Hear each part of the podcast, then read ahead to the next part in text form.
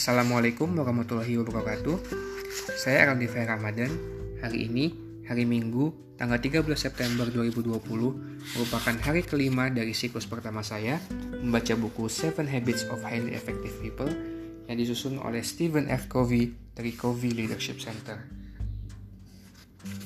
Hari ini saya telah menyelesaikan membaca subbab kedua dari bagian pertama buku ini, yakni dari dalam keluar.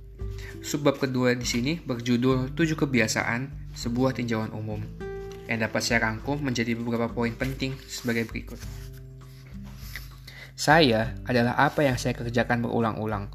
Karena itu, keunggulan bukanlah suatu perbuatan, melainkan suatu kebiasaan.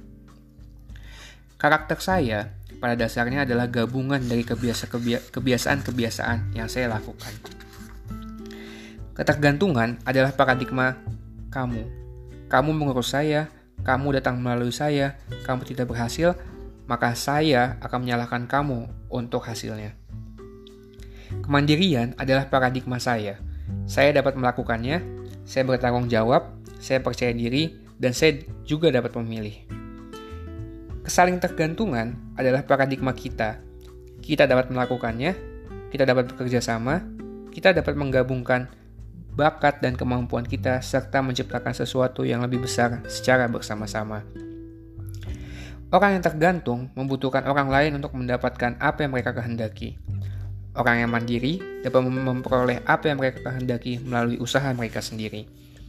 Orang yang saling tergantung menggabungkan upaya mereka sendiri dengan upaya orang lain untuk mencapai keberhasilan terbesar secara bersama-sama.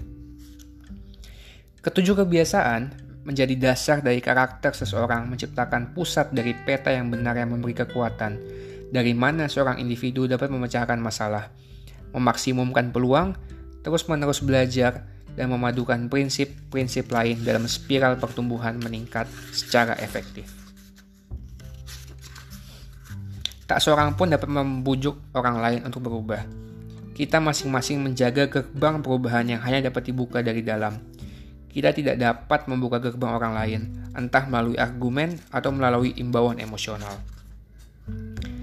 Saya akan menemukan bahwa pada saat saya tidak terlalu peduli tentang apa yang orang lain pikirkan tentang diri saya, saya akan lebih peduli tentang apa yang orang lain pikir tentang diri mereka dan dunia mereka sendiri. Apa yang kita peroleh dengan terlalu mudah pasti kurang kita hargai. Hanya harga yang mahal lah yang memberi nilai kepada segalanya Tuhan tahu bagaimana memasang harga yang tepat pada barang-barangnya. Demikian beberapa poin yang saya dapatkan dari membaca subbab kedua dari bagian pertama buku Seven Habits of Highly Effective People. Terima kasih. Wassalamualaikum warahmatullahi wabarakatuh.